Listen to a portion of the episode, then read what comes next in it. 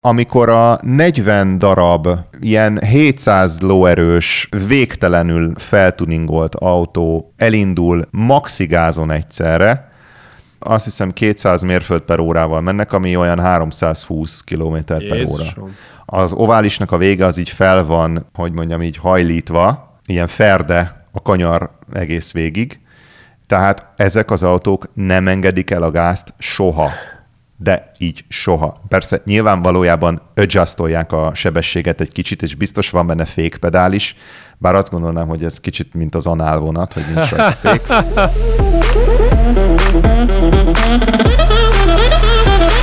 Ready for play.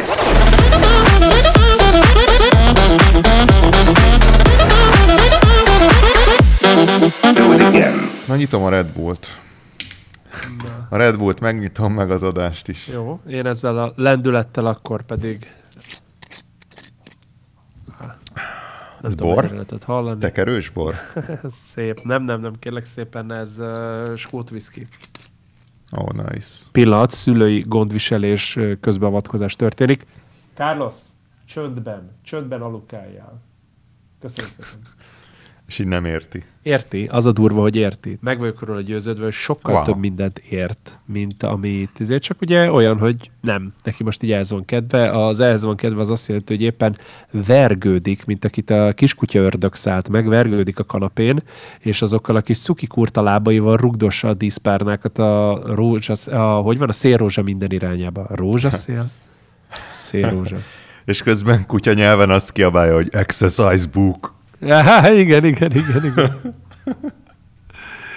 Az a jó, hogy innentől kezdve, hogyha én belőlem tárvozik bármilyen testhang, akkor azt is a Carlosra fogom fogni. Tehát ez ah. egyik oldhatatlan előnye így a gyerektartásnak. Igazából De... nincs is kutyád. igen. Nem, ugyanúgy, mint a izében, mint így a ponyvaregényben, hogy csak van egy ilyen latexbe öltöztetett izé szájpeckes férfi, akit így izé kutyába se veszek, és akkor itt Carlos ilyenkor nagyon élénk, sajnos mármint úgy értem, hogy csak akkor, hogyha a környezet erre okot ad rá. És hát miért ne adna rá a környezet okot? Ugyanis ez itt a Long Story Long hatodik epizódjának felvétele. Mi lenne ennél élettel telibb ö, környezet, hogyha nem ez? Oh yeah, motherfucker! Ah, én Gyuri voltam, hogyha ez még itt nem esett volna le öt adás alatt az embereknek, bár lehet, hogy illemből el kellene mondani, függetlenül, hogy hanyadik adás, úgyhogy ö, ilyen bunkomodom magammal kezdem. Én Gyuri voltam, és itt van velem Peti. Én Peti leszek. Peti lennék. Lettem volna. Nem kellene nekünk is ilyen túl misztifikált művésztév, mint ami így a legtöbb ilyen külföldi pod, vagy akár hazai podcastnél is van, tehát ilyen... Például Joe Rogan? Hát nem, de ugye én podmaposztoltam arról, hogy ha műsorvezetői babérokra török, akkor én a nagy színpados Gyuri művésznével fogom majd nyomulni. Te leszel Explore Péter, én meg nagy színpados Gyuri. Hát igen, ez a, ez a művésznév kérdés, ez, ez egy... Neked már legalább van a tarsolyban. De nekem ide. minden művésznevem mindig az adott projekthez tartozik, úgyhogy nincs egy ilyen átfogó művésznevem.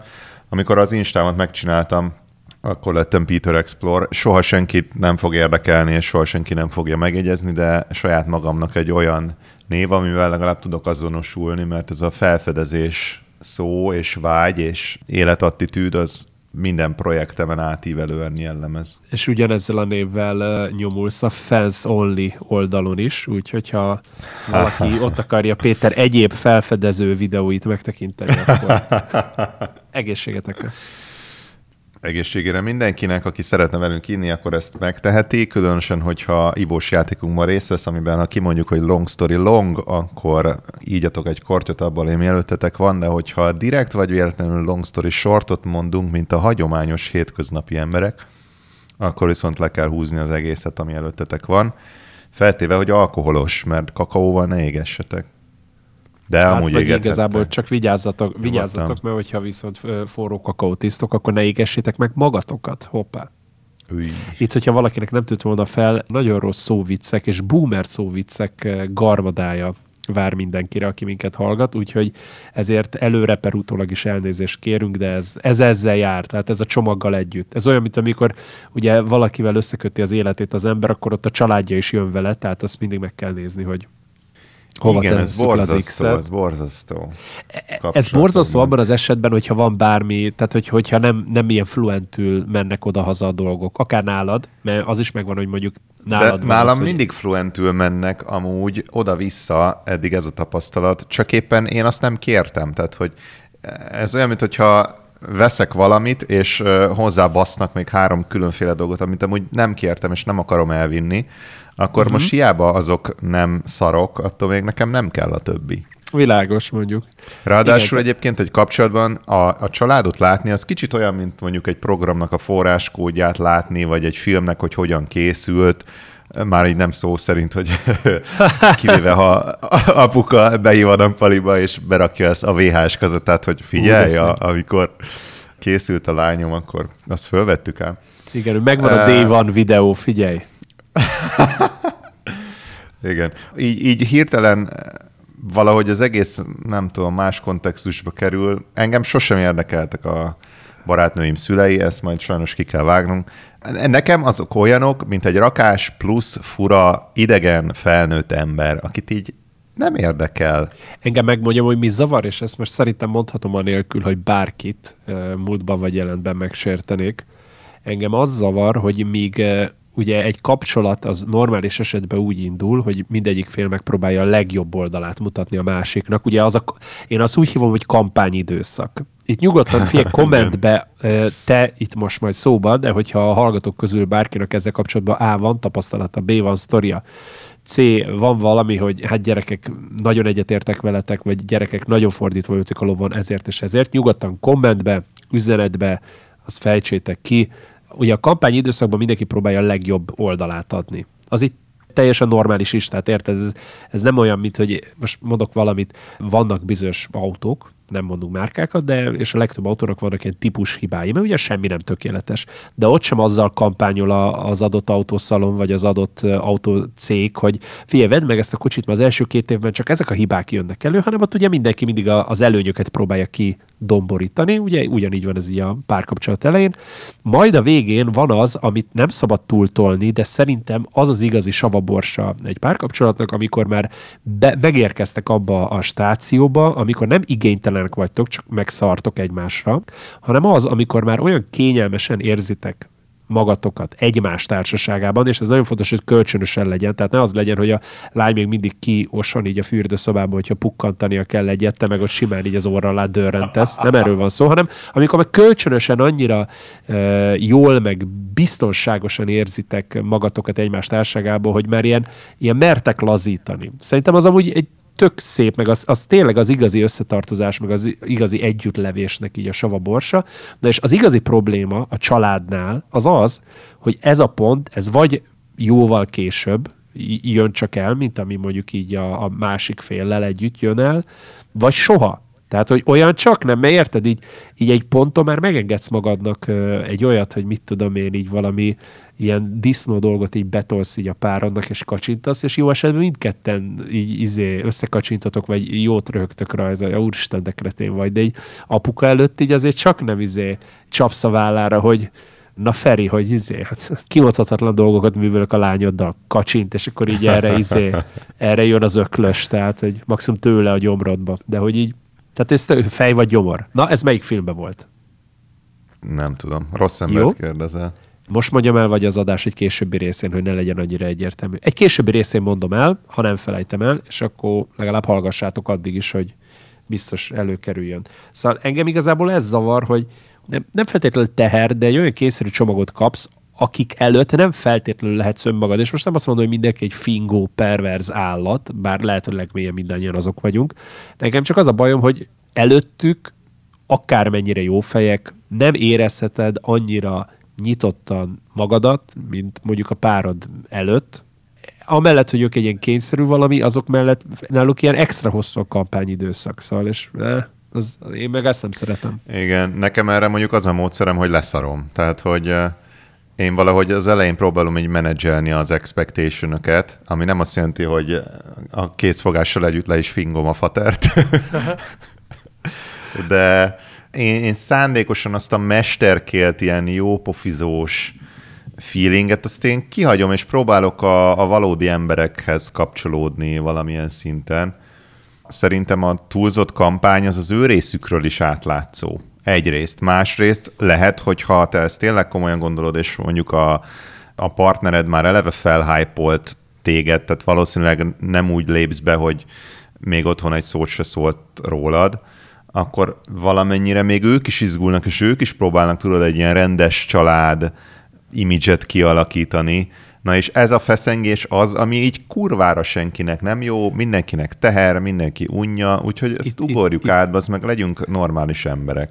Itt annyit közbevágnék, hogy sajnos én azt vettem észre, és nem feltétlenül saját bőrömön, hanem akár másoknál is. Tehát itt nem nincs kibalanszírozva ez, hogy ki mennyire akar a másik előtt megfelelni, vagy jó ilyen formában lenni, hanem, hanem a család részéről, mivel ők vannak többen, és ők vannak hazai pályán, mindenképpen van egy, az erőegyensúly az az ő irányukban van eltolódva. Tehát ebben a szenárióban, amit az előbb én felsoroltam, inkább van az, hogy neked kell jó fejnek lenni, mert ők nem feltétlenül kell, hogy megerőltessék magukat, vagy nem feltétlenül kell a legjobb oldalukat mutatni, hát mert de hogy ők, szerintem senkinek várják, ők vannak kell valójában. többen. Jó, valójában senkinek nem kellene akkor. De igen, de, de ez család, de ez, ez ő... személyiségfüggő igazából. Tehát, hogy például amennyire az én családomat um, így megfigyeltem ilyen helyzetben, én mindenkin azt láttam, mondjuk az én szüleimen, hogyha valaki más, mondjuk egy tesóm hozott barátnőt bemutatóba, hogy még inkább ők feszengtek. Tehát, mert egyszerűen olyan személyiségek voltak, akik ilyen mások ítéletétől félnek, vagy ilyesmi. Uh-huh. Simán van az, hogy belép egy ember, akit behoztak, és azelőtt a család haptákba áll. Hát ez mondjuk már akkor mentalitás, mentalitás igen, kérdése. Mentális kérdés, beszélek össze-vissza beszélek. Én láttam olyan példát is, hogy a család az ilyen összetartóan megérkezel valóval hét ember mért téged, akkor ott te próbálhatsz úgy fellépni, hogy akkor most mindenki beálljon vigyázba a szar, mert én most mindenkiről mindjárt véleményt e- alkotok első benyomás alapján, de hogy ezt hét ember gyakorolja rád, akkor mégiscsak te leszel az, aki egy picit így izé, nem azt mondom, hogy elszégyeli magát, de hogy így így. Hát persze, hmm. lehet, lehet. Na szóval én nem vagyok ez a nagy barátnő, családos típus.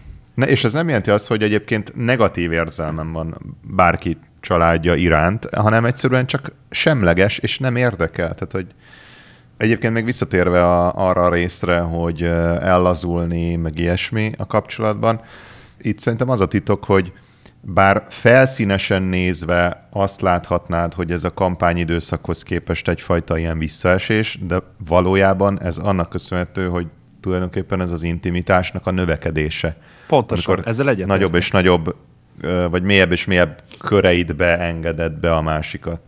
Igen. És ahogy mondtad is, ugye, mint minden típusú intimitásnak az életben, ennek az a titka, hogy ez akkor jó, hogyha mind a kettő fél akarja élni, ugyanazokat a részeit, és hát ez az, amire oda kell figyelni, vagy így közösen kell végigmenni az úton. Igen. Ezzel százszerzékosan egyetértek, amit mondtál, és ezt én is így gondolom. Mindegy, ne menjünk ennél mélyebben bele, mert a végén akar vagy akarod is megbántunk olyanokat, akiket nem akarunk. Már pedig itt mi csak szándékosan akarunk bárkit is megbántani. Lásd az előző adásnak ugye a sztár vendégét, Strongit, akit ugye az előző adáshoz képest kettő adással előbb, tehát hogy itt nagyon, ott is az volt, hogy egy korábbi adásban kitértünk az ő jelenlegi munkásságára, ami tévesen félre lett értelmezve, mint hogyha mi ezt ilyen bántó jelleggel mondtuk volna, miközben pontosan ellentétesen, mi éppen feldicsértük a dolgot, de hát hála Istennek ugye volt olyan kedves, és eljött az adásunkba és elmondta ezt a saját szavaival, illetve mi ezt elmondhatok a mi saját szavainkkal, úgyhogy, és született belőle egy kurva jó adás. És már körvonozódik az is, hogy a következő esetleg tizedik adásra kit lehetne berántani, de ez még egyelőre maradjon titok, még addig amúgy is sok víznek el kell folyni a Dunán, illetve sok viszkinek el kell folyni a poharamból. Péter, inkább térjünk rá az első témára, valami frissre. Még mindig nem tértem magamhoz igazából a pénteki hogy, hogy fejezzem ezt ki?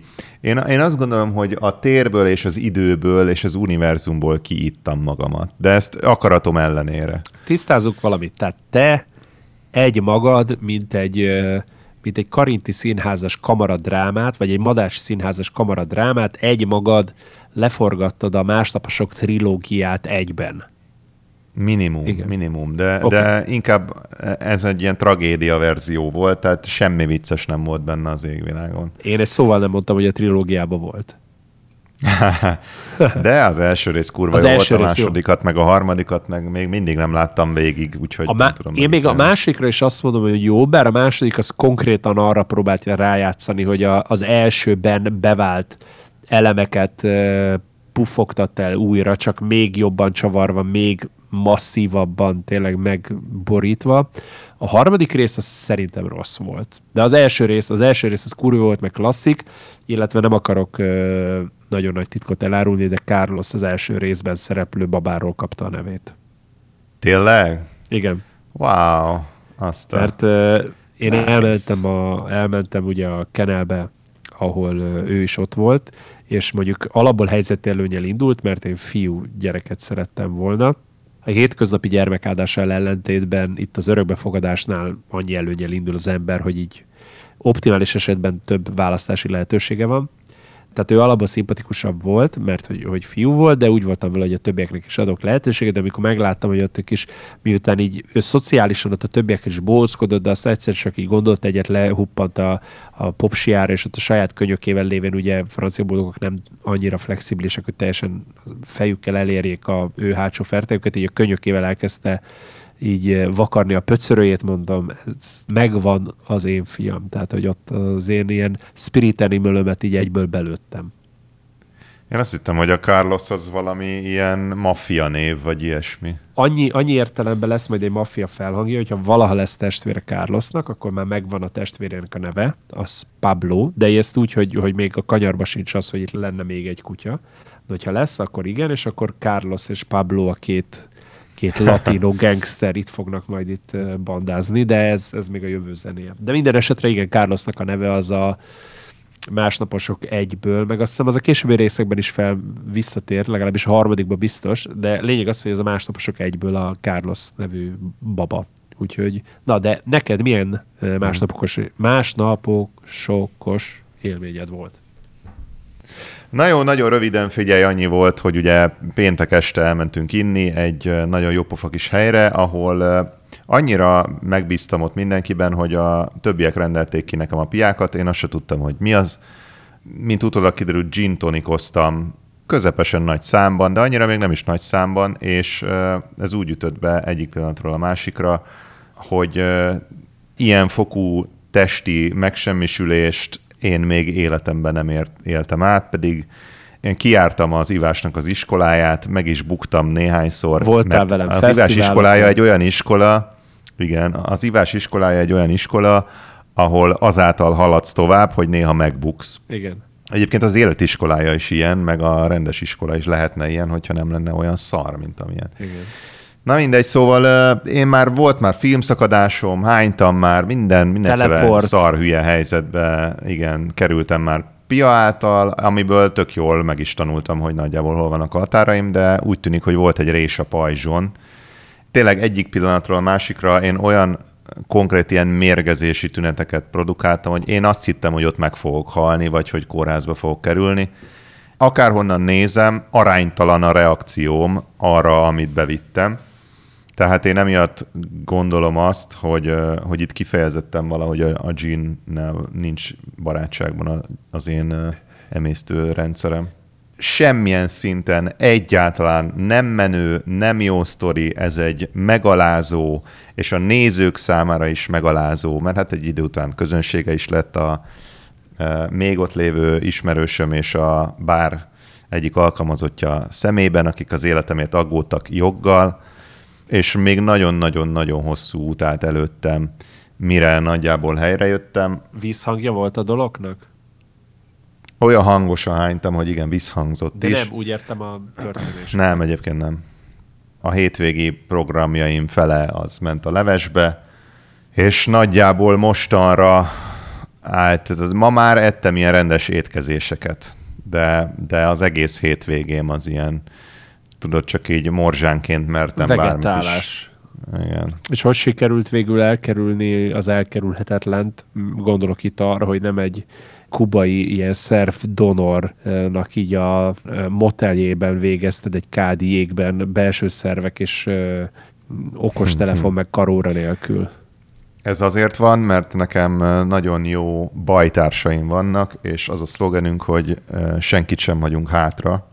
Szép, szép, én, szép, én is szép. ezt tettem volna, és tettem már máskor is fordított helyzetben, és most hál' Istennek volt valaki, aki ugyanezt Na. megcsinálta, de, de ez mindenképp egy áldozat a hazavívő fél oldaláról.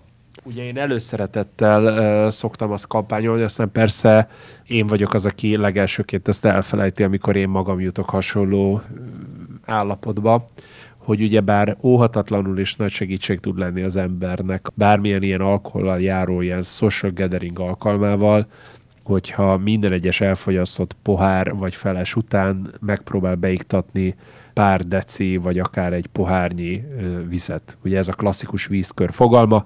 Ezzel nem mondom azt, hogy teljesen meg tudod úszni a dolgot, de el tudod ódázni azt, hogy szétcsapd magad, vagy meg tudod előzni azt, hogy mondjuk rosszul legyél.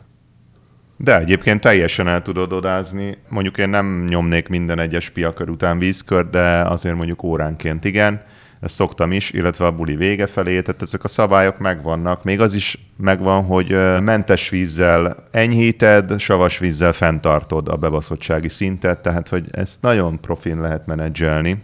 Csak az a baj, hogy ugye ennek a folyamatnak a menedzselése az ugye az elfogyasztott piáknak köszönhetően így teljesen háttérbe szorul, majd elfelejtődik, mert ugye bár elkerül a fókusz hát de arról, csak akkor telje... van, ha akarat gyenge vagy. Mint tízből kilenc ember. Igen, de nem feltétlenül akar egy gyengesség. Hát most figyelj, de egyszerűen csak olyankor a, a figyelmedet azt elviszi másik irányba. Én egyébként többnyire csak a végén szoktam, illetve hát vizet iszom, ha elfáradok, vagy ha eszembe jut, de amit mindig szoktam az az, hogy amikor tudom, hogy mondjuk a buli vége előtt egy órával én nagyon masszíval el szoktam kezdeni vizezni, és így általában meg is mentem a másnapomat, tehát maximum hmm. fáradt vagyok másnap, de egyáltalán nem szoktam másnapos lenni, még akkor se, hogyha brutál mennyiséget megittam. És ez egyenesen a vízkörnek köszönhető. De ez most elmaradt. Hát most minden elmaradt, és minden rosszul sült el. Világos. Képzeld egy múltkori sztorihoz, amit a benzinkút rablásról beszéltél, ami elég Na. durva volt, és volt egy kibaszott nagy highlightja, amikor a rabló már a rendőrségre várva elővett a zsebéből egy elzsákmányolt sört, és még azt gondolta, hogy azt el fogja kortyolgatni. Igen.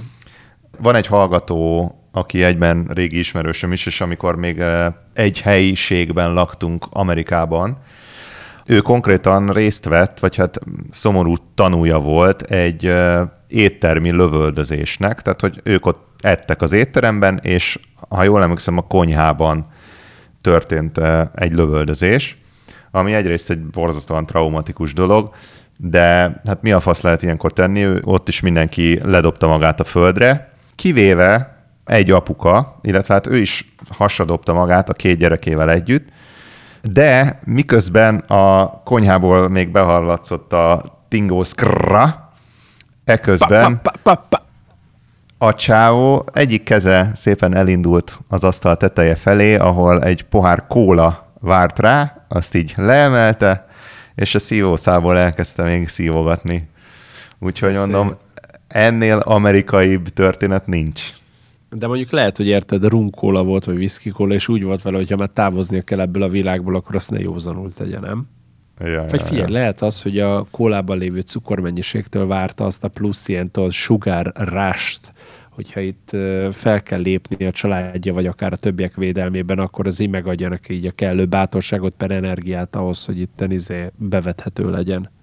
Vagy csak tényleg úgy érezte, hogy amerikai szíve úgy mehet ki a világból békésen, hogyha ez a... még a szájában érzi a kóla ízét, miközben Szent Péter elé áll. Ez szerintem van annyira amerikai dolog, mint hogy a magyar benzikuti tolvaj, az pedig így felcisszentette sört, így az őt letartóztató rendőrökre várva. Tehát, hogy ez, ez kb, kb. szerintem egy serpe. Igen, ez a meanwhile in a parallel universe. Igen. Kurva jó. Hát figyelj, remélem különben, hogy amúgy különösebb emberáldozat, vagy ilyen sérülés nélkül lejött az a buffalo lövöldözés amúgy különben. Illetve nagyon remélem, hogy a barátodnak nem esett komolyabb baja. Hát nem, nem. Mm, Ha én lettem volna, én tuti, hogy mindenféle posztraumatikus stressz disorderekben szenvednék, de ő elvileg túl van rajta. És... Ő, mint a lövöldöző, viszonylag könnyen túltette magát ezen a dolgon. Valami a, nem tudom, a szakács félrelépett, vagy ilyen szappanopera sztori volt egyébként, és akkor valaki elment bosszút állni, vagy a, vagy a szakács volt valakinek a szeretője. Figyelj, ez, szóval... ez, ez tudom, hogy nagyon uh, ilyen gossip uh, matéria, de én, én ma kaptam egy olyan újságcikket, Mondjad, mondjad. Két kispályás csaló átverte M. Rich, Richardot, és egymást is. Az egyik ötször is hiába próbálta visszaszerezni a gázoló jogosítványát. Ez a, ez a cikk. De ez önmagában így cím alapján ilyen lófasznak tűnik. De itt a, itt a cikk maga az egy, az egy kész aranybánya. Én ezt próbálom, figyelj, felolvasom a cikket, nem túl hosszú, Embry Hardról azt kell tudni, de ez majd a cikkből is kiderül, hogy ő egy halálos kimenetelő gázolást hajtott végre itt a fővárosban, még annó. Folytatódott Emery Hard vesztegetési ügye a bíróságon, erről írt a Telex. A férfi jogosítványát 2016. április 5-én visszavonták, és azt csak egy utánképzési programmal szerezhette volna vissza, amihez, most ez szerintem amúgy botrányos, figyeljél, egy hatórás vizsgán való részvétel, egy számítógépes vizsga feladatsor kitöltése, valamint a forgalmi vizsga letétele kellett. Mondjuk én úgy vagyok vele, hogy egy egy halálos kimenetelő közötti baleset szerzésnél nem már egy hatórás vizsgán való részvétel legyen az alapfeltétel. Tehát, hogy ez a... Mm, mindegy, ezzel még lépjünk túl. Igen, én nem tudtam, hogy az ilyen könnyű. Igen, na várjál. Jó, haladjunk. De M. Richard megtudta, hogy K. Bálint Zsolt, az ügy harmadrendű vádlottja, hamis vezetői gyakorlatot igazoló dokumentumot tud készíteni, ezért megkereste, és azt mondta, akármennyit fizet, hogy jogosítványát soron kívül vizsga nélkül visszaszerezhesse. K. Bálint Zsolt erre megkereste az ismerősét, a másodrendű vádlottat, S. Márton Krisztiánt, akiről úgy tudta, hogy komoly rendőrségi kapcsolatai vannak. És akkor S. azt mondta, hogy 600 ezer forintért a közlekedés rendészeten vezetőbeosztásban dolgozó ismerősén keresztül tud segíteni. Emery Hard elfogadta az ajánlatot, és 2017. decemberében a 600 ezerből 300 ezeret előlegbe odaadott, és akkor itt jöttek a tragikomikus fordulatok. Kiderült, hogy S tehát ugye ez volt, a, aki, akit megkeresett, és ez meg a oda forger.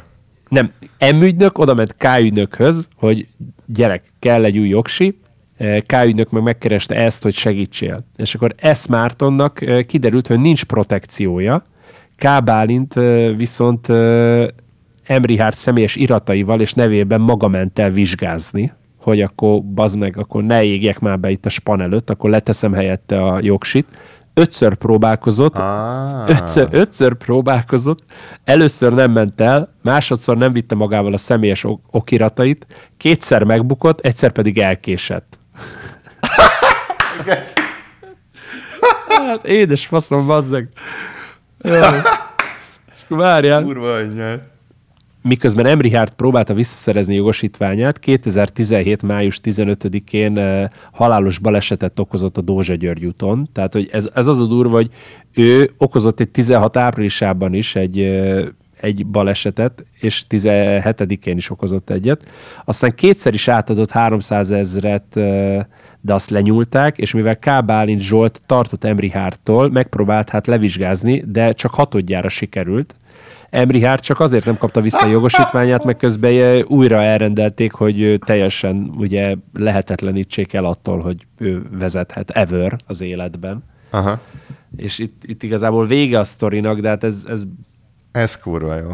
Igen. Igazi professzionális bűnözők. Ez, ezt azt volna. mondanám, hogyha mondjuk így Guy Ritchie az Magyarországra született volna, és valami itthoni rögvalóságból próbált volna valami ízes szagos filmet forgatni. Tehát, hogy ez a, a Ravasz az és a két füstölgő puskacső, vagy a Bluff, vagy pedig a The Gentleman's, vagy a Rock and Roll a nyomán haladva próbált volna valami magyaros fasságot kitalálni 74 csavarral, na most ez kb. az. De és ez azt is jelenti, hogy a, a csávó elment, és ö, hatszor le tudott vizsgázni nem a saját irataival. Ne, ne, ne, tisztázzuk. Kétszer megbukott, és csak hatodjára ment át, mert itt volt olyan, hogy nem vitt iratot, meg volt olyan, hogy késett, meg hogy el sem ment. Tehát, hogy igazából háromszor tudott ö, vizsgázni, nem a saját irataival. Ja, bocsánat, és az a... egész más még úgy is szar statisztika, így a különböző ilyen hitelesítési procedúrák figyelembevétele mellett, hogy, hogy hatból háromszor, vagy hát akkor nem hatból háromszor, háromból háromszor el tudta hitetni, hogy ő más valaki. Tehát, hogy na hát náluk ilyen Ez a tényleg ilyen, ilyen, ilyen balfasz, balfasz maffia. ja, Istenem, na mindegy, szóval Egyébként, ha már itt megint száguldozásnál, meg autóknál vagyunk, ami érdekes, mert tudtam, a egyikünk sem egy ilyen autófan, de mégis ez így vissza-vissza térnek a, az autók. Elmesélhetném a NASCAR futamot, amin Na. tegnap délután voltam. Gondolom az egyértelmű mindenkinek, hogy a NASCAR az egy olyan autóverseny, ami egy darab ilyen ovális pályán zajlik, én nem vagyok egy ilyen nagy autóversenyző fan, de egyébként jött egy ilyen lehetőség, egy eh, itteni ismerősöm hívott, hogy figyelj, lesz egy ilyen NASCAR, én se voltam még, annyira talán nem is vagyok érdekelt benne, de miért nem nézhetnénk meg? Mondom, én pont ugyanígy vagyok, az meg, miért nem menjünk el, nézzük meg. A NASCAR az körülbelül olyan, mint hogyha egy óvodás gyerek tervezte volna, tehát rajzolsz egy darab tényleg egy ilyen ovális alakú pályát, és ráraksz egy csomó autót, amik egyébként még kinézetre még csak nem is ilyen különleges autók, tehát nem olyan, mint mondjuk egy Forma 1-es autó, hogy nagyon elüt a hagyományos autóktól, látod rajta, hogy ez egy kurva erős autó, de ez egyébként ezek Fordok, Chevrolék, Hondák, Toyoták, Toyota Camry, meg ilyenek. Persze a belsejében egész más van, mint az, ami az utcán közlekedik. De annyi a lényeg, hogy van egy ilyen tojás alakú Igen. pálya, és mellé van bassz vagy lelátó, és akkor mennek az autók körbe-körbe. Tehát ez, még azt is gondolhatnád róla, hogy ez kibaszottul unalmas, és szerintem itt van a, a hatalmas különbség abban, hogy egy sporteseményt élőben nézel, vagy a tévében. Ugyanis a két élmény az teljesen más. Először is egyébként egy ilyen nagyon amerikai módra megcsinált rendezvény, tehát már a stadionon vagy ezen a ringen kívül óriási kamionok árulják a mörcsöt, vannak ilyen uh, muscle károk, autósó, minden, amit el tudsz képzelni, uh, zene, tánc, minden meg persze uh, sült krumpli és hotdog és pizza végtelen mennyiségben. Azt kérdezhetem, hogy itt nem szokás az, amit így láttam már más ilyen amerikai sporteseményeknél, hogy a parkolóban megérkeznek a családok, meg a, a baráti körök, és akkor így a pickup trucknak így a hátuljából kicsapják a grillt, és akkor ott így elkezdenek de, de, így alapozni. De, de. Igen? Igen, sőt olyanok is vannak, akik konkrét lakókocsival mennek, és aki meg ezt egyébként megengedheti magának, mert mondjuk nyugdíjas, vagy mit tudom én, az van olyan, aki több ország szerte megrendezésre kerülő NASCAR futamra elmegy a lakókocsiával. Bizonyos helyeken külön rész van ezeknek kialakítva, és akkor ő ott már délután tényleg nagyban megkezdi a grillezést. A NASCAR az a nagy számok versenye. Elképesztő, brutális élmény, így szétbassza az összes érzékedet. Ott kezdődik, hogy hát legalább 40 autó versenyez, de ezt most megnézem, mert nem akarok kibaszottul amatőrnek tűnni. NASCAR number of Cars. Ez a How to talk about NASCAR Google kereső mondat hagyja el most Péter billentyűjét. Igen, 30 és 40 autó között van. Na most én azon a videón láttam, hogy rajtad valami zajcsökkentő ilyen fülvédő van, hogy azt így adják, azt te bérled, az kauciós, saját, vagy az, az, az így hogy? Hát írták az interneten, hogy érdemes lehet esetleg ilyen fülvédőt vinni. Hát mondom, nekem erre nincs feltétlenül szükségem, de volt egy ilyen paranoiás énem, és beraktam a Bose Active Noise Cancelling-es fejhallgatót, hogy mondom, hát, you know, sose lehet tudni, legrosszabb esetre.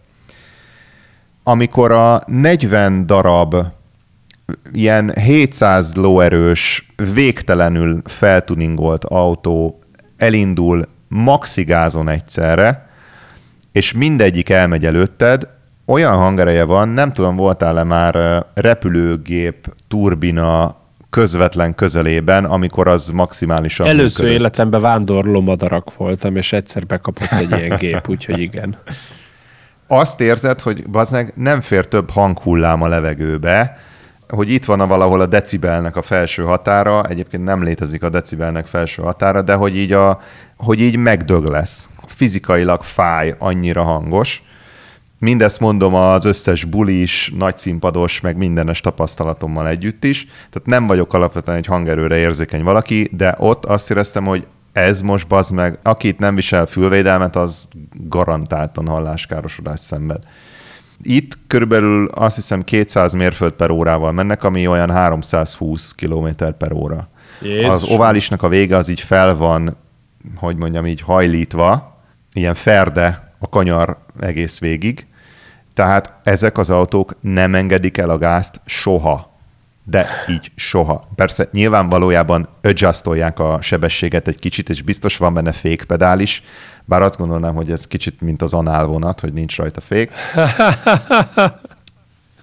40 autó van egy nagyon kicsi pályán, nincs olyan, hogy követési távolság, meg oldaltávolság. Konkrétan ilyen, így át tudnának egymáshoz nyúlni, bazd meg, miközben 300-zal mennek 11 kupacban, már a végén, amikor a szétváltak kupacokba, az elején a teljes konvoj egybe van, és van konkrétan olyan, hogy touch, vagy ilyen, úgy, úgy mondta a kommentátor, hogy kiss, amikor az egyik autó a másik autó mögött, hát így összeérve megy 300-zal, Mindezt úgy, hogy mondjuk mellette balra, meg jobbra is van még egy-egy autó, ami szintén 300-zal megy. Tehát, hogy így nem hiszed el.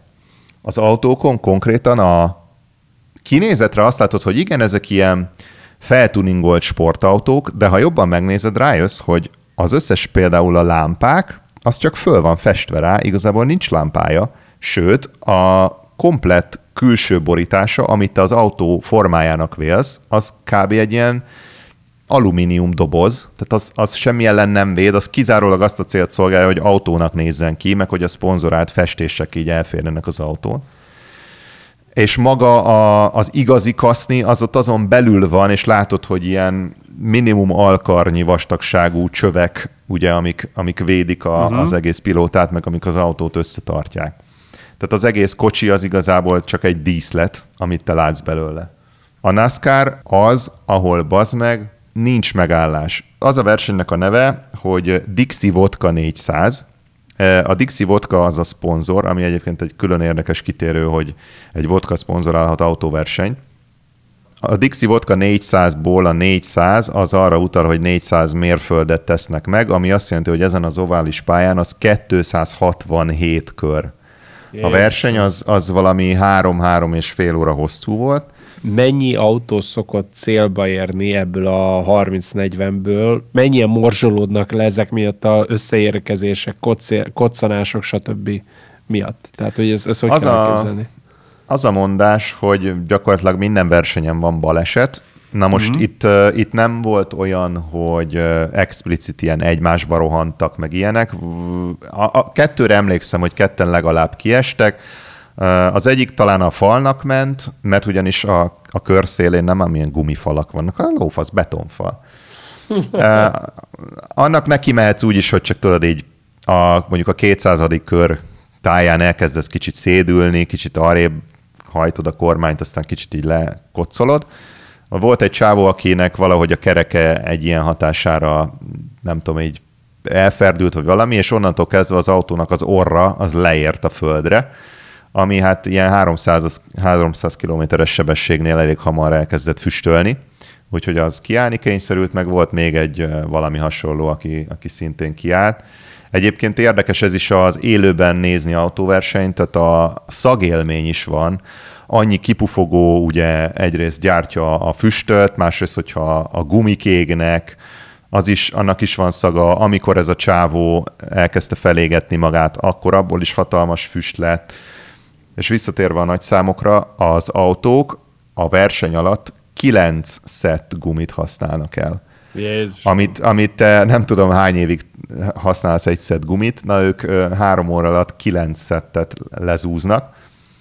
Úgyhogy tényleg ilyen mindenből végtelen van.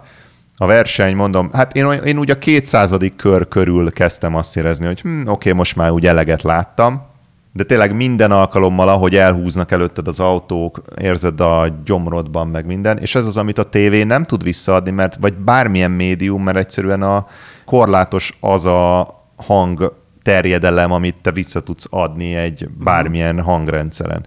Tehát ez az, amit így csak élőben tudsz átélni. Emiatt van az, hogy én nagyon ajánlom mindenkinek bármilyen dolog, ami még ha nem is azt mondod, hogy így ez érdekel a legjobban a világon, de tényleg érdemes mindent kipróbálni élőben, mert egy, mert egy egész más élmény. Ezzel egyet tudok érteni különben. És akkor most legyen szó akár valami sportélményről, valami elmész valahova valamit személyesen megnézni, kiállítást, helyszínt, bármit, azt semmi nem fogja tudni pótolni neked. Jó, mondok ellen példát, engem nagyon érdekel a titanic kapcsolatos mindenféle ilyen dokumentumfilm, meg a mindenféle ilyen dolog, de soha nem venném rá magamat ahhoz, hogy lemenjek olyan mélyre, egy vízben, és akkor ott én ott akár buvárkodjak, vagy akár valami kis fémkalitkába, tengeralattjára beülve én ott nézelődjek. Tehát, hogy azt, azt, annál én nagyon szívesen meghagyom azt, hogy izé, hogy, hogy milyen az, amikor én azt csak felvételről nézem, de más esetben én amúgy úgy vagyok vele, hogy ha nem túl extrém, akkor azt inkább átélni kell, mert az, azáltal te leszel több. Na, de azt kezdted el mondani, hogy, hogy vitted ezt a ké... Na, vitted ezt a noise cancellation fejhallgatót. Tehát akkor a felvételeken konkrétan azt lehet látni, hogy te a saját ilyen fülhallgatódba vagy a rendezvényem. Aha. Igen. Kurva jó. És kurva. De még konkrétan a És fülhallgató működött? is szenvedett, az, így hallottad, ahogy így kb. recseg, ropog benne, mert ugye ez úgy működik az Active Noise Cancelling, hogy van egy mikrofon a, a fülrészben, és ami zaj bejön kintről, ő generál egy azzal ellentétes fázisú zajt, és aki ezt nem próbálta, kurvára ajánlom, illetve attól függ, mert ha egyszer kipróbálod, akkor nincs visszaút sajnos. Aha. Kibaszott jól működik, tényleg életmentő repülőutakon az életminőségedet megváltoztatja. Ha egyszer kipróbáltad, nincs visszaút, itt is kurva jól működött, de lehetett hallani, hogy bazd így szerencsétlen fülhallgató a lelkét kidolgozza, mert ekkora noise-t még nem kellett aktív cancelelnie. Te nagyon szereted az ilyen murika, fuck yeah típusú dolgokat. É, é, Két imádom, nagyon érdekes igen. dolog volt. Az egyik, hogy a verseny elején a maga a kommentátor, miközben így felvezeti a dolgokat, tart egy kis szünetet, és megjelenik a pap, aki kb. egy áldást mond a versenyre, mondja, hogy köszönjük Istenünk, hogy itt lehetünk, és mindenek felőtt, hogy Jézus Krisztus meghalt a kereszten, bla bla bla. Ez a NASCAR sajátossága, ez a fajta ilyen procedúra, vagy pedig ennyire mély vallásos állam Florida, hogy ott az ottani NASCARon ez így van? Ennyire vallásos állam Amerika. Ez nincs benne valahogy a köznek az Amerikáról való gondolkodásában, de az Egyesült Államok az a nyugati világ legvallásosabb országa, és mindezt nem kicsivel, tehát hogy rommá veri a mezőnyt a, a vallásosságnak az aránya. Persze vannak államok, amelyik jobban, valamelyik kevésbé. Florida az így talán a viszonylag vallásosabb államok között van, de szerintem e, az összes többi verseny elején is ugyanilyen van. Na, elhangzik a- az áldás, utána jön a himnusz, mert ugye hazafiság, és az Amcsi himnusznak az utolsó két sora, ez a Land of the Free and the Home of the Brave. Amidőn ezt valami Netflixes színésznő sztárvendég csaj elénekelte, két vadászrepülő abban a pillanatban gyönyörű szinkronban elhúz így a pálya fölött. Ne. Az, me, az mennyire hatásvadász, te úristen. volna. Igen, Ú. akkora izé national heartbeatek keletkeztek bennem, mint az állat. Figyelj, hagy kapja meg itt a Putyin oltását, megyek ki hozzád, Peti, ezeket, ezeket így át kell élnünk együtt. Egyébként még annyi, hogy eh, ilyen Covid intézkedések körülbelül ilyen ötöd, ötöd ház, de le, még az is lehet, hogy tized ház, tehát hogy nagyon eh, korlátos volt a, a bemenetel, mögöttünk háromsor üres volt. Persze mi úgymond szarhelyen ültünk, de a vásárló, a jegyvásárló honlap alapján oda mellénk nem is lehetett volna már jegyet venni. Tehát meg ez egy nyitott rendezvény, szóval így volt. Meg maszk kötelező, mászkáltak emberek ilyen, külön emberek voltak, akik csak az volt a feladatuk, hogy álltak egy kis táblával, amire az volt írva, hogy social distance, meg viselj maszkot. Mm. Ha publikus, mennyi volt a jegy, illetve te mennyit költöttél el, akár eszemiszon, vagy bármilyen más téren. Tehát próbáld egy picit testközelbe hozni nekünk azt, hogy milyen volt ezt így pénztárca alapján megélni. Az a durva, hogy nem volt különösebben drága, valami 56 dollár volt a jegy mindennel együtt, ilyen adókkal, meg mit tudom én, ami mondjuk ugye már beszéltünk róla, hogy ha érezni akarod, nem, tehát ha nem pénzügyileg akarod átváltani, hanem az érzést akarod átváltani forintra, akkor ilyen 100-150-nel kell szorozni, mondjuk ha 150-nel megszorozom, az 8400 forint. Most azt gondolom, hogy ez egy fullos baszó autóverseny plusz autósó élményért egyáltalán nem sok. Persze ennél voltak drágább ilyek, azt hiszem ez a legolcsóbb fajta volt. Kétszer ennyiért még lehet jegyet venni, de nagyon a fölött emlékeim szerint már nem. És vettünk kaját, mit tudom én, 13 dollárért vettem mondjuk én egy sült krumplit, meg ilyen chicken tenders az mondjuk néhány ezer forint. Tehát nem az a forma egy élmény, tudod, amiről, ami ilyen legendásan drága hogy olcsóbb a túlárazott lángos így a rendezvényhez közel, mint az örömlányok ott az út szélén, a Fóti út szélén. Igen. Jó, tehát akkor minden esetre te ilyen elégedette távoztál a rendezvényről, és akkor úgy vagy vele, hogy ez egy ilyen ha nem is must have, de egy ilyen fun thing to do. Így, hogyha Én úgy voltam vele, hogy az életedet gazdagítja egy ilyen, nem találtam benne új hobbit, tehát továbbra sem vagyok NASCAR rajongó, meg semmilyen autóversenyzés rajongó, de ez így, hogy egyszer az életben megnéz egy ilyet, erre tökéletes. Tehát én pont így jól is laktam az élménnyel. Hát én nagyon remélem, hogy egy, neked hasonló ilyen izgalmas élményekben lesz még részed, hogy majd elmesélheted nekünk is természetesen, meg én nagyon remélem, hogy majd egyszer átélhetem, bár hozzáteszem, de én a Forma 1 is a legelejét, az első két-három kört, meg az utolsó négy-öt kört élem, és a kettő között én konkrétan unom magam, pedig ott egy sokkal ilyen pályája válogatja, de ilyen sokkal szofisztikáltabb, vagy ilyen Igen. eseménydúsabb ugye pályák Teljesen vannak. Na most én Nekem nagyjából minden sporttal ez a bajom. Hát ne, nem, mert például ott van mondjuk egy futball, ahol azért mégiscsak folyamatos mozgás van, és nem az van, hogy egy irányba mennek Én körbe, pont körbe. ugyanazt érzem, mint te a Forma 1-nél. Tehát, hogy hmm. egyszerűen inger szegény valahogy. Onnantól válna izgalmassá, hogyha bármilyen alapon elkezdhetnék szurkolni valakinek, ez az egyik módja, amit egyébként nekem vicces, de ha szurkolókkal beszélsz, akkor így megkérdezni azt, hogy de miért annak szurkolsz, legyen az egyén vagy csapat, az így a kb. ilyen tabu kérdés, mert így ez, egy, ez az a leghülyébb kérdés, amire egyébként nagyon ritkán van értelmes vagy racionális válasz.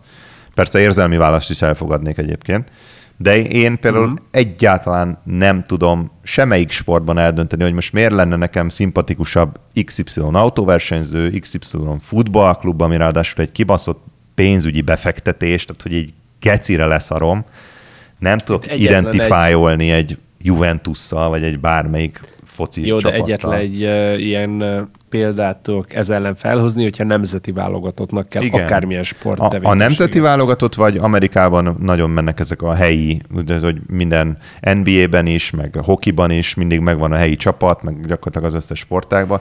Ezt tudom élni. Ha mondjuk tényleg olyan fokú olyan fokon kötődsz a helyhez, ahol élsz, hogy ezt így beleadott. De mondjuk én éltem New Yorkban, és New Yorkhoz nem kötődtem annyira, nem, nem volt így a, tényleg az identitásom része. Még Miami-val csak, csak Miami Beach abszolút az identitásom része, nagyon azonos, azonosulok a helyjel, a várossal, a környezettel, mindent szerelmes vagyok belé.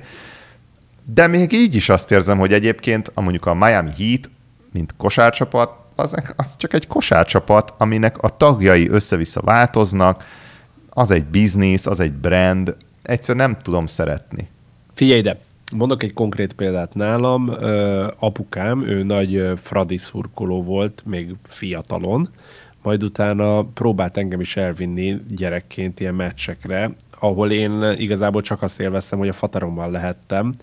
Apám a Fradinak drukkolt, akkor én is így szurkoltam nekik, de hogy ő ilyen hitből szurkolt nekik, én meg azért, hogy így a fataromnál bevágódjak de hogy így én nem találtam, és akkor itt lehet velem van a baj, de én nem találtam semmi olyan kapcsolódási pontot, ami miatt nekem el kellene köteleződnöm az ő irányukban. Tehát, hogy én nem éreztem azt, hogy ők teljesítményben vagy bármiben nyújtottak olyat, hogy na igen, én innentől kezdve csak, csak őket szupportálom, akár szóban, akár tedben. Uh-huh. Úgyhogy értem, hogy miről beszélsz. Ja, egyébként ezt akartam mondani. Igen, hogyha ha már ott vagy, hogy valakinek szurkolsz, és felejtsük el, hogy miért, meg nem is tartozol egyébként nekünk magyarázattal, hogy most miért szurkolsz. Tehát azt csinálsz, amit akarsz. Ha valakinek valaki szurkol, onnantól kezdve Például egy NASCAR meccs minden másodperce izgalmas, egy foci meccs minden másodperce izgalmas, érted? Kicsit arra gurul a labda, kicsit nem arra gurul, már izé fogom a székem, és kurvára izgulok a csapatomért. Ez az egyik verzió, a másik verzió, ahogy szerintem lehet élvezni, ha ez az érzelmi érintettséged nincs meg, akkor le lehet így lassulni az élményhez. A Forma 1-ben figyeltem ezt meg, nálunk az otthon mondjuk így ment délután a tévébe, én kurvára untam, de néha nagyon unatkoztam, és mondjuk leültem elé, és el tudtam érni azt a kvázi meditatív állapotot, sőt egyébként szerintem ez konkrétan a meditatív állapottal egy nagyon közeli rokon. Amikor annyira lelassulsz a és ráhangolódsz az élményhez, hogy onnantól ilyen kisebb rezdülések is sokkal nagyobbat hatnak rád. Ez szerintem a másik módja, hogy különösebb ilyen konkrét szurkolási motiváció nélkül is lehet élvezni. Ez is egy megközelítés a te elköteleződésedet, akár a NASCAR, akár más irányában, az, hogy ezt most te átélted személyesen, az befolyásolta el a jövőt illetőleg? Tehát, hogy te innentől kezdve másodjabban fogsz -e ehhez, vagy bármi más ehhez hasonló dologhoz hozzáállni? Nem hiszem, hogy a NASCAR-hoz konkrétan, illetve hát annyi van, hogyha most találkozom egy NASCAR fannal, és ő elkezd erről lelkesen mesélni, akkor én tudom, hogy ő mit élt át, nagyjából, mínusz azt, hogy egy konkrét embernek én nem szurkoltam, de ismerem az élményt, ismerem a környezetet, és tudom, hogy ez be tudja szippantani az embert. Tehát egyen jobban megértem őt. De uh-huh. úgy egyébként a, nem a, konkrétan a NASCAR-ral kapcsolatban változott bennem bármi, én csak megerősödtem abban, hogy a fotelból, a szobából nem tudod, milyen a világ, még akkor is, ha láttad a YouTube-on, vagy láttad a tévében, nem tudod, milyen az igazi élmény, mert komplementer az a dolog, amit a tévé átad, és az a dolog, amit a valóság átad. Tehát az, amit az egyik tud, azt nem tudja a másik, és fordítva. Uh. Körülbelül pont annyival intenzívebb mondjuk egy NASCAR, vagy egy szerintem az autóversenyek többségét élőben nézni, a tévéhez képest, mint amennyivel intenzívebb élmény egy valódi szex egy pornóhoz képest. Tehát, hogy nem ugyanaz. Ellen, ellent kell mondjak neked, Péter. Ugye te azt mondod, hogy másabb, hogyha mondjuk én itthon letöltök egy NASCAR közvetítést, és megnézem így a laptopomon, mint az, hogy elmegyek és élőben megnézek egy NASCAR mérkőzést szemben a pornóval, pedig ez nem igaz, mert a pornóban van esélyem arra, hogy azt személyesen átéljem, hogyha nem is ugyanazzal az emberrel és ugyanolyan környezetben, mert ne Isten éppen nincsenek a környezetemben kazak törpék, akikkel ugyanazt a általam nagyon nehezen fellelhető pornó szenáriót így meg tudnám valósítani. De érted, tehát hogy mondjuk így valószínűleg előbb fogok erotikus szempontból abba a szituációba csöppenni, mint hogy egy NASCAR autóval körbe-körbe menjek kétszázszor. Tehát, hogy ebből a szempontból a kettőt nem tehát, hogy... De ez nem változtat azon, hogy maga a részvételi élmény versus a nézési élmény az nagyon-nagyon jelentősen más. Ez igaz, ez igaz. Ezt, ezt aláírom, ezt a részét aláírom. Szóval, ha van üzenete ennek az egésznek, vagy moral of the story, akkor az az, hogy tényleg az meg mindent, mindent nagyon nyitottan ki kell próbálni, úgy sok veszteni valónk nincsen. Én tényleg, én egy csomó minden olyan dolgot megnéztem már az életemben, ami, amiről azt éreztem, hogy ez így amúgy kurvára nem a személyiségemből jön, hanem ez csak egy így ad, adni egy esélyt az élménynek. Tudsz erre egy példát mondani? Nekem lenne egy kérdésem, de először mondd inkább, hogy neked van erre konkrét példád. Mindenféle kiállításokra elmentem. Én például kurvára nem vagyok ez a múzeumban járó, nekem az is nagyon inger szegény, de például Budapesten is, meg New Yorkban is elmentem nem egy olyan kiállítási programra, amire magamtól nem mentem volna el, valaki azt mondta, hogy figyelj el, megyünk, mondom, hát az meg, menjünk el.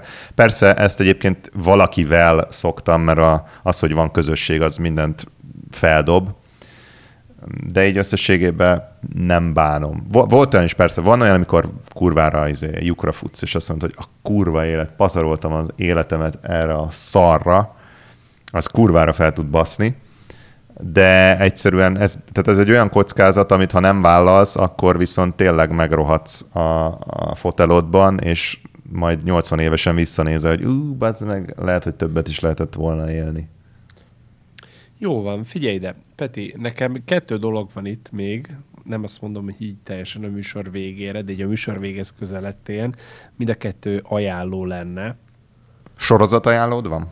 Sorozatajánlóm is van, és filmajánlóm is, kérlek szépen. Na. Mind a kettő Netflixes lesz, a sorozat és a filmajánló is. Nem azért, mert az lenne a definitív platform arra, hogy én tartalmat fogyasszak. Emellett Disney Plus-t és amúgy HBO Go-t is pörgettem, de most, most ezt a Netflixes élményemet szeretném megosztani. A filmajánló az a The Lovebirds, remélem jól mondom. Hmm. Ez nagyon romcsi hangzik. Úristen, rettentő, tehát fél, na, az a baj, hogy erre lehetne egy komplet adást szentelni, Szerintem nyelv, nem nyelvtannácinak kell lenni, de szerintem nyelvtan bűnözés az, amit előszeretettel csinálnak a magyarok, miszerint erőltetettel megpróbálnak lefordítani, vagy magyar címet adni egy külföldi filmnek. Uh-huh. Ez leginkább ugye az amerikai filmeknél zavaró, mert ott a nyelvtani ismeretemnek hála tudom, hogy fasság, amit adnak. Ez a The Lovebirds, amit nem tudom, hogyan fordítanál, ilyen, tehát szerelmes madarak, vagy nem tudom, tehát, hogy érted, akik tudod, így együtt csicseregnek. Ja, ja, aha. Ez a magyar kerességben a szerelemben per büntényben címet kapta. Per? Mi az, hogy per? Hát nem per, szerelemben, vesző büntényben. Ez a magyar címe. Ah, hát ez elég sótlan. Hát ez, ez szar konkrétan. Na mindegy.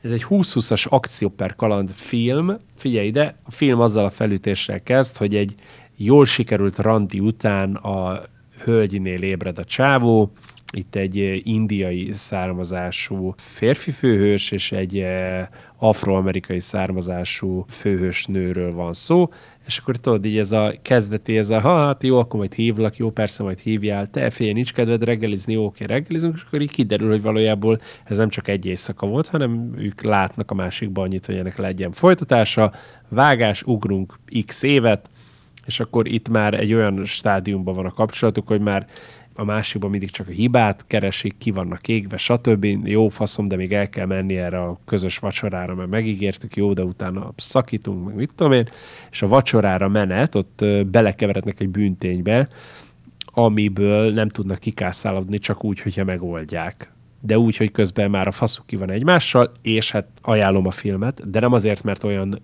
irradatlanul jó lenne, akár a történet. A színészjátéka nincs baj, a történet az, ami olyan picit bugyuta, de ami miatt ajánlom, mi ezt vasárnap néztük meg, a faszunk ki volt az egész hétből, nagyon le voltunk már fejbe szívva, és beraktuk, megnéztük, és ilyen az altesti humortól kezdve az ilyen picit egyszerűbb, de ilyen nyelvtani humor, meg ilyen szóviccek mellett ilyen, ilyen ilyen totálisan ideális kikapcsolódás volt. Tehát nulla gondolkodással nézted, amikor rötyögni kellett, ott rötyögtél, örültél neki, mert vicces, és ennyi. Tehát, hogy én ezt ezért tudom ajánlani, hogyha valami tényleg pihentető dolgot keres az ember, akkor ezt tudja úgy élvezni, hogy, hogy nem kell minden idegszálával ezt figyelnie, de mégis jól szórakozik rajta.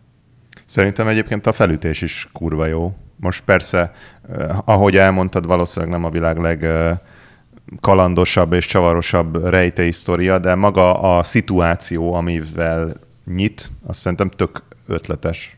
Ja, amúgy figyelj, hozzáteszem, én meg voltam lepődve azon, hogy milyen drámai felvezetéssel indítja meg addig a pontig, amikor elkezdődik ez a komédia rész. Tehát, hogy addig különben simán lehetett volna ez valami, tudod, ilyen, ilyen, ilyen dramedi is, hogy valójában egy tök drámai dolgot próbál viccesen megközelíteni, de Szóval amúgy, amúgy tök, tök komoly volt. Na mindegy, én ezt ajánlom. Valószínűleg mondjuk egy hónap múlva nem fogok emlékezni a film felére se, és nem az a film lesz, mert van olyan film, amit évente újra nézek, sőt van olyan, amit egy éven belül is újra szoktam nézni, akár egy-két alkalommal. Ez valószínűleg nem az lesz, de nem az volt, hogy kidobott időnek éreztem a rászánt, és nem is hosszú, tehát másfél óra, egy óra 27 perc, tehát nincs 90 perc a cucc, tök jó. Nincs, nincs benne felesleges rész, nem vontatott, folyamatosan van benne történés, vicces cselekedet, stb. Helyzet komikum, teljesen, tényleg egy jó kikapcsolódás. Ez, ez a legjobb szó rá. Szóval ez az egyik, amit mm. ajánlok. A másik, kérlek szépen, The Queen's Gambit, ennek is van valami elbaszott magyar címe, erre mindjárt rá is keresek. Ez volt a múltkor? Igen, de azóta megnéztem. Akkor csak elkezdtük, most megnéztem. A vezércsel, ezt a, ezt a nevet kapta a kerességben. By the way, a The Queen's Gambit, ez, hogyha jól olvastam utána, ez ténylegesen egy ilyen shock move-nak így a megnevezése. Ez egy fiatal árváról szól, aki a árvaházba kerülve elég intenzív fogékonyságot mutatom ugye a sakk iránt. Ezt is ajánlom, itt remek a színészi játék, nagyon jó a történet szerintem, csavarosan, okosan van megcsinálva, mimiből következik, nincsen így tovább erőszakolva, vagy rúdosva a történet, nincsenek felesleges ilyen filler epizódok, összesen hét rész maga a sorozat is, szórakoztató, izgalmas, aki nem szereti a sakkot, vagy nem érti a szabályokat sem, nézhetetlen a dolog. Én mondjuk tudok sakkozni, de, de például a, a csajom nem, és ő annak ellenére tudta élvezni a dolgot, hogy neki az elején kellett tartani egy gyors tarpalat abból, hogy most mikor éppen mi történik a saktáblán, de utána már tudta magát a cselekményből kiolvasni, hogy éppen most minek kell történnie így dramaturgiailag. Nekem az annyira furcsa, hogy valaki nem tud sakkozni. Hát figyelj ide.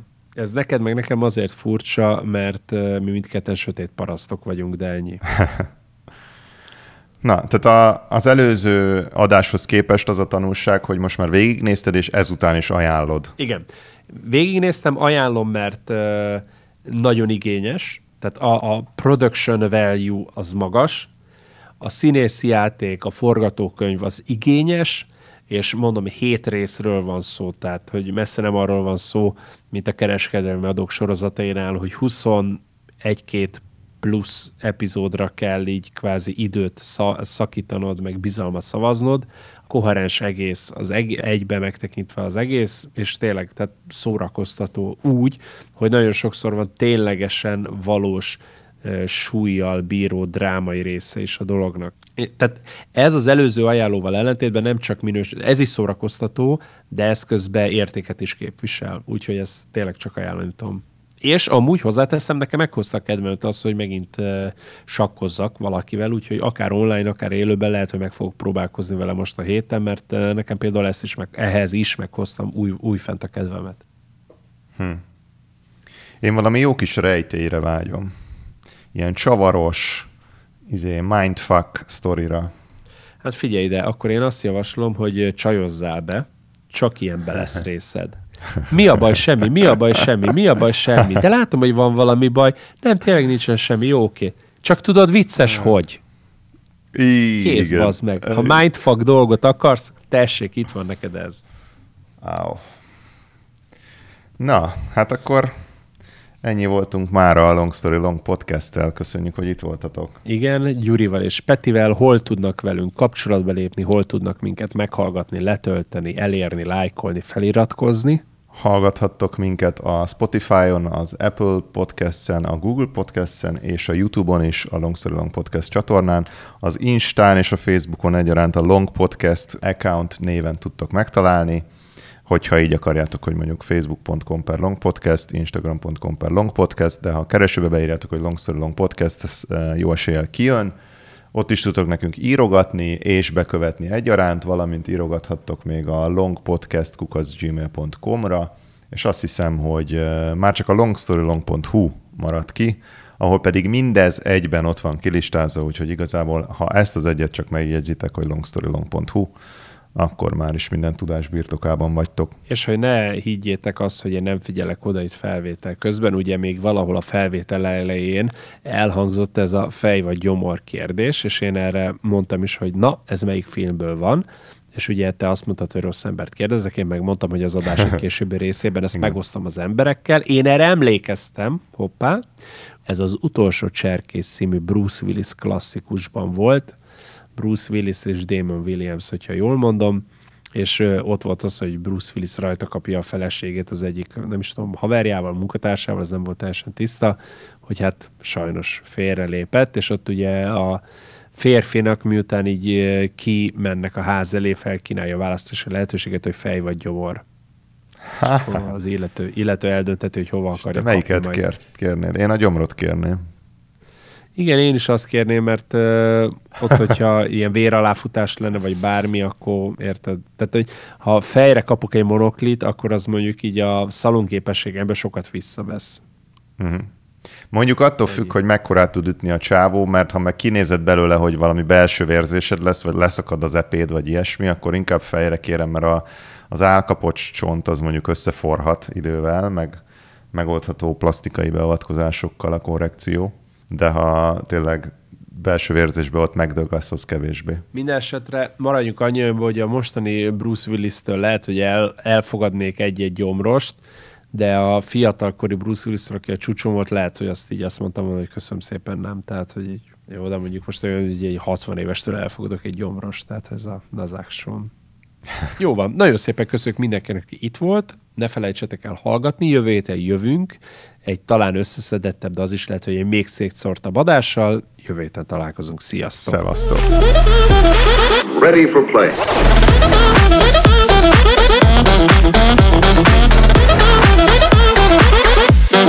Do it again.